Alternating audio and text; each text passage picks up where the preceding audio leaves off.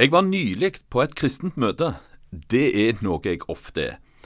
Og på dette møtet så skjedde det noe helt spesielt. Kanskje ikke så spesielt, vil noen si, men troen kom. Det hørtes løye ut, men for meg så ble det en kjempedag. Eh, det skjedde sånn at i form av de som talte på det møtet, så snakket de om noe som står i Bibelen. De snakket om, eh, om hva Jesus hadde gjort, og plutselig så fikk jeg se på nytt igjen noe som jeg hadde sett før, at Jesus, når han døde på korset for 2000 år siden, så var det noe som gjaldt for meg. Og da kjente jeg bare hvordan det bobla inni meg. Jeg ble glad. Eh, det gjorde meg glad. Så står det i Bibelen at troen, den kommer av forkynnelsen som en hører, og forkynnelsen som en hører, den kommer ved Kristi ord. Og Derfor så er jeg så glad for at vi har så mange frivillige eh, mennesker rundt omkring i vår region som legger til rette for møter, de tar smittevern alvorlig og planlegger og gjennomfører mange møter. Nå til våren så har vi planlagt 80 møteveker.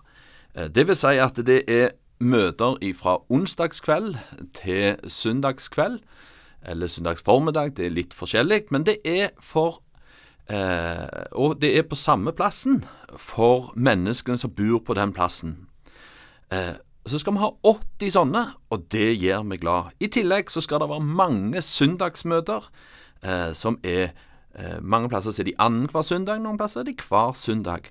Og så har de søndagsskole, og de legger til rette. De tar smittevern alvorlig, og de legger godt til rette for at troen på Jesus kan få lov å få komme inn til den enkelte menneske.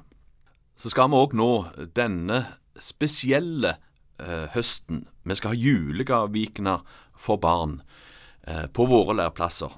Det er òg noe som gjør meg glad når det har vært så vanskelig, så har vi prøvd å legge godt til rette, ta smittevern og de regler som foreligger på alvor for at vi skal ha trygge og gode leirer, der at ungene skal få komme på leir og oppleve det òg fram mot denne jula.